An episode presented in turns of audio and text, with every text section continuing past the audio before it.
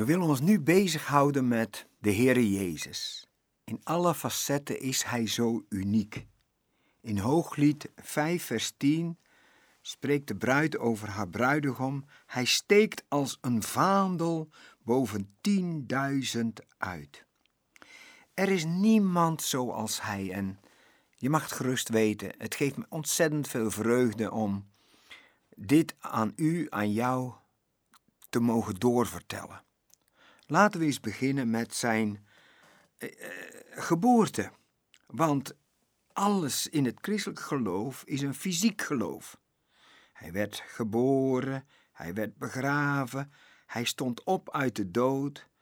Het zijn allemaal dingen die te maken hebben met zijn lichaam. Het is geen geloof dat zich afspeelt op de wolken, het is heel erg down to earth. En weet je wat ook opvalt? Bij het geloof in de Heer Jezus zijn allemaal dingen die met Hem gebeurd zijn. Het gaat niet zozeer over wat hij heeft gedaan, gezegd of wie hij was. Jezus werd geboren, Jezus werd gekruisigd, begraven en hij stond op uit de dood. Paulus zegt daarover in 1 Korinthe 15, vers 3 en 4, dat is het allerbelangrijkste.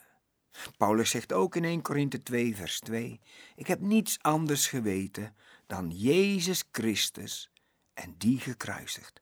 Het kruis is de zoen van God, de verzoening. Het zondeprobleem is opgelost. Laten we dat altijd voor ogen houden. De komst van de Heer Jezus was van voor de grondlegging al reeds klaar. In Openbaring 13, vers 8, daar staat reeds dat de Zoon bereid was om te komen, om te wandelen onder ons en om te sterven voor onze zonde. Dus wat dat betreft is er een eeuwigheid geweest van voorbereiding. En in de volheid van de tijd is de Heer Jezus aan de ene kant gewoon geboren. Ik wil even spreken over die geboorte, want er is geen geboorte in de geschiedenis die zo universeel gevierd wordt. We gaan nu ook weer naar de kerst toe en het is een groot feest, het is een familiefeest. Alhoewel 2000 jaar geleden, uh, dit is wel het populairste feest wat we vieren betreffende zijn geboorte. Aan de ene kant was zijn geboorte een normale geboorte. Het is een verhaal over een jong Joods stel in hun tienerjaren. Jozef en Maria. Zij trouwden haastig omdat zij zwanger raakte voor het huwelijk. En dat is natuurlijk ook weer zo uniek. De Heer Jezus is geboren zonder de inmenging van Jozef. Er staat in Matthäus 1, vers 25, zij hadden geen gemeenschap met elkaar. In Lucas 1 zegt Maria als de engel komt, ik heb nog nooit gemeenschap gehad met een man. En dat is weer dat wonderlijke van die geboorte. En dat was 700 jaar daarvoor al voorzegd door Jesaja 7 vers 14, dat de Messias geboren zal worden uit een maagd zonder inmenging van het sperma van een man.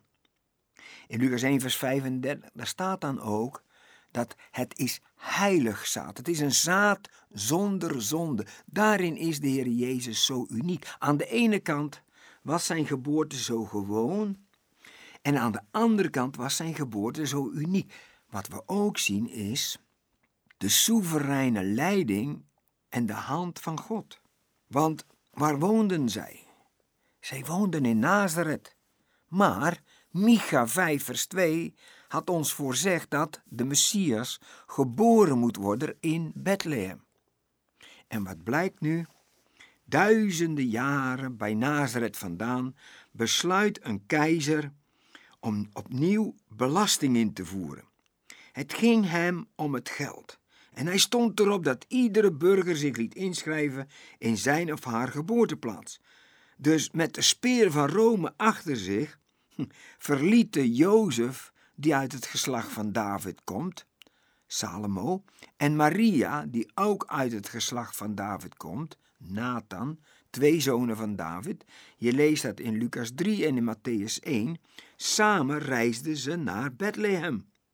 Normaal gesproken hadden ze die reis nooit gemaakt. Zij was hoogzwanger. Maar ja, met de speer van Rome achter je moest je wel. En zo zie je dat er mensen beslissingen maken en dat uiteindelijk God die beslissing gebruikt. Er staat iets heel moois in Spreuken 21, vers 1. Het hart van de koning is in de hand van de Heer. Wij leven nu in een tijd dat beslissingen genomen worden zonder God. Maar onze soevereine God zal die beslissingen ten goede keren, gebruiken voor zijn heilsplan. Want hij komt uiteindelijk tot zijn doel. Hij gebruikte die beslissing in Rome door die keizer die meer geld wilde om Jozef en Maria in beweging te brengen en waar gingen ze naartoe? Naar Bethlehem. En het volgende is ook zo uniek, want precies op het moment dat zij in Bethlehem zijn, uh, is de tijd vervuld en komt het kind. Als je daarover nadenkt, dat iedere dag zo groot is als God.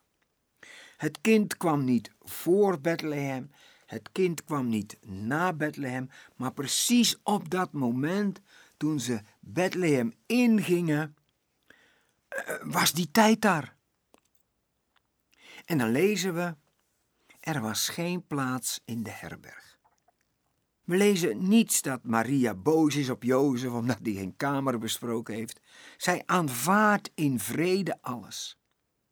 Zowel Maria als Jozef zijn prachtige mensen om te bestuderen.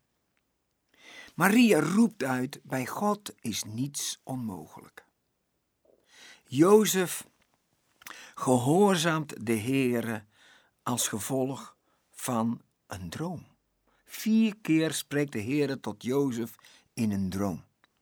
En dat vertelt mij ook weer dat de Heere niet slaapt noch sluimert. Hij spreekt tot ons overdag, maar hij kan ook tot ons spreken in de nacht. Maria en Jozef, ze gingen op weg. Zij vervulden de profetie in Bethlehem. En waar werd de Heer Jezus geboren en neergelegd? In een voederbak. En wie waren de eerste die bij hem kwamen? De herders. En die leefden met de dieren. En die voelden zich thuis bij een voederbak. Maar ze moesten wel buigen om de Messias te zien. En zo is de Messias ook zo dicht mogelijk bij de mensen gekomen. Voor de herders was hij er in een voederbak, voor de wijzen in een huis. Hij wil zo dicht mogelijk bij je komen. Omarm hem en aanvaard hem nu. De Heer Jezus kwam in de volheid van de tijd, zegt Paulus in Galaten 4, vers 4. Hij kwam geen dag te vroeg en geen dag te laat. De Heere God is soeverein. Jozef en Maria kwamen in Bethlehem en vervulden daarmee de profetie van Micha 5, vers 2. En dan bellen ze aan bij een herberg. En ze krijgen te horen: er is geen plaats in de herberg.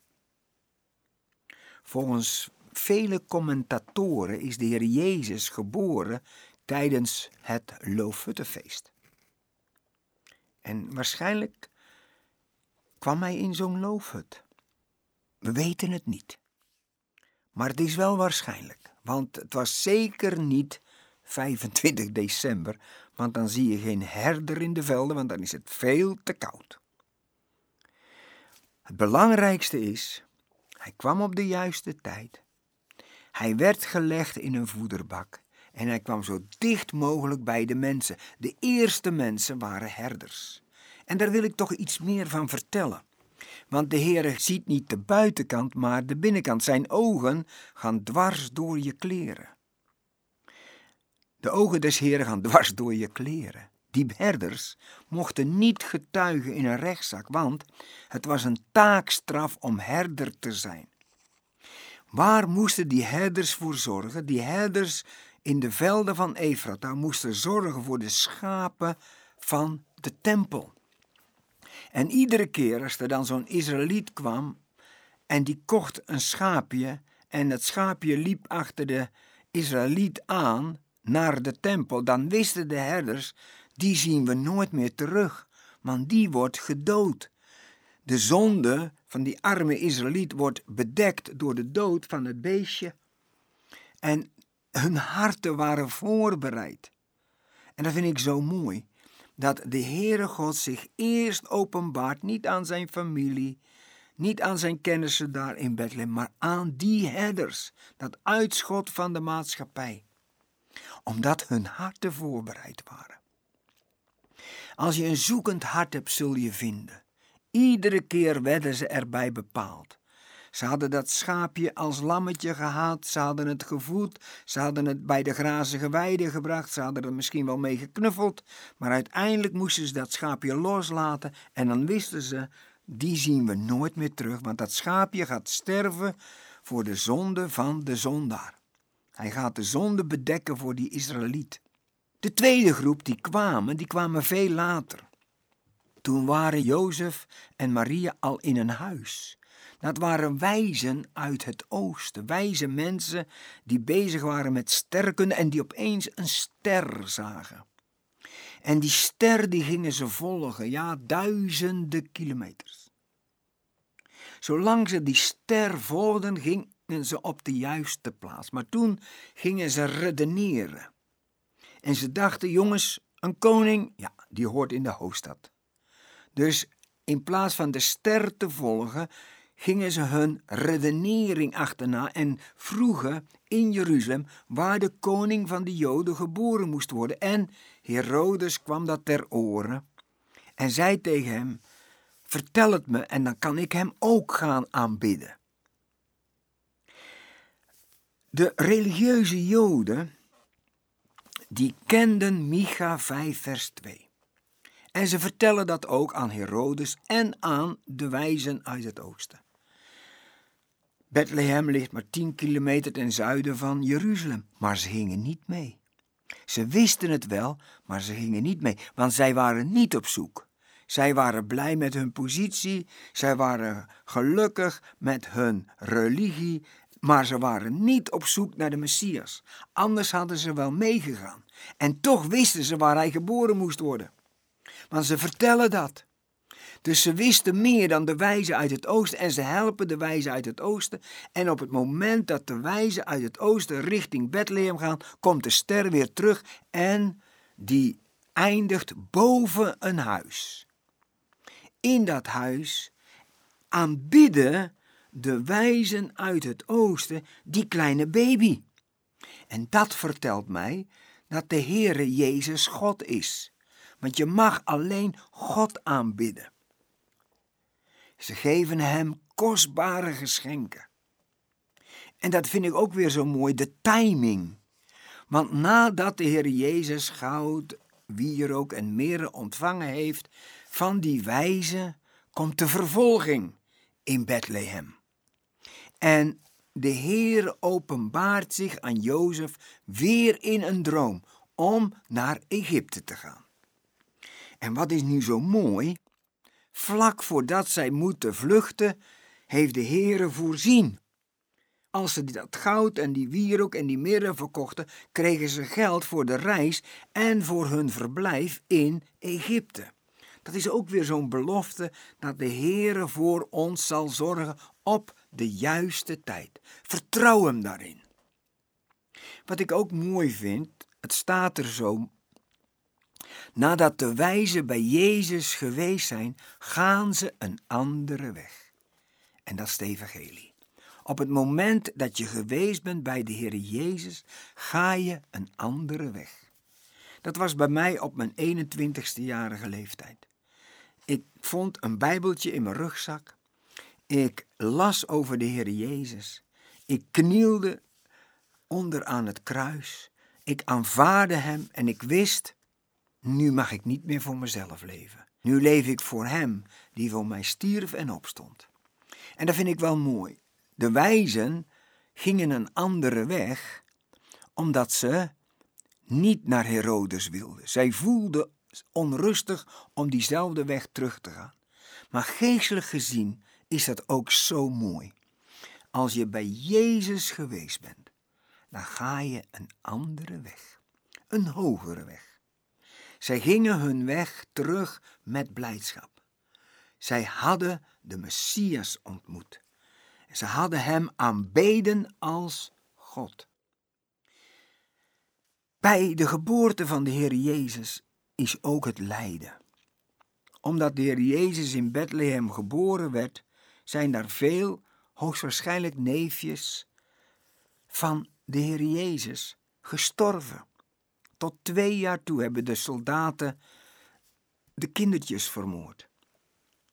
En dat gebeurt nog steeds. Er is veel christenvervolging.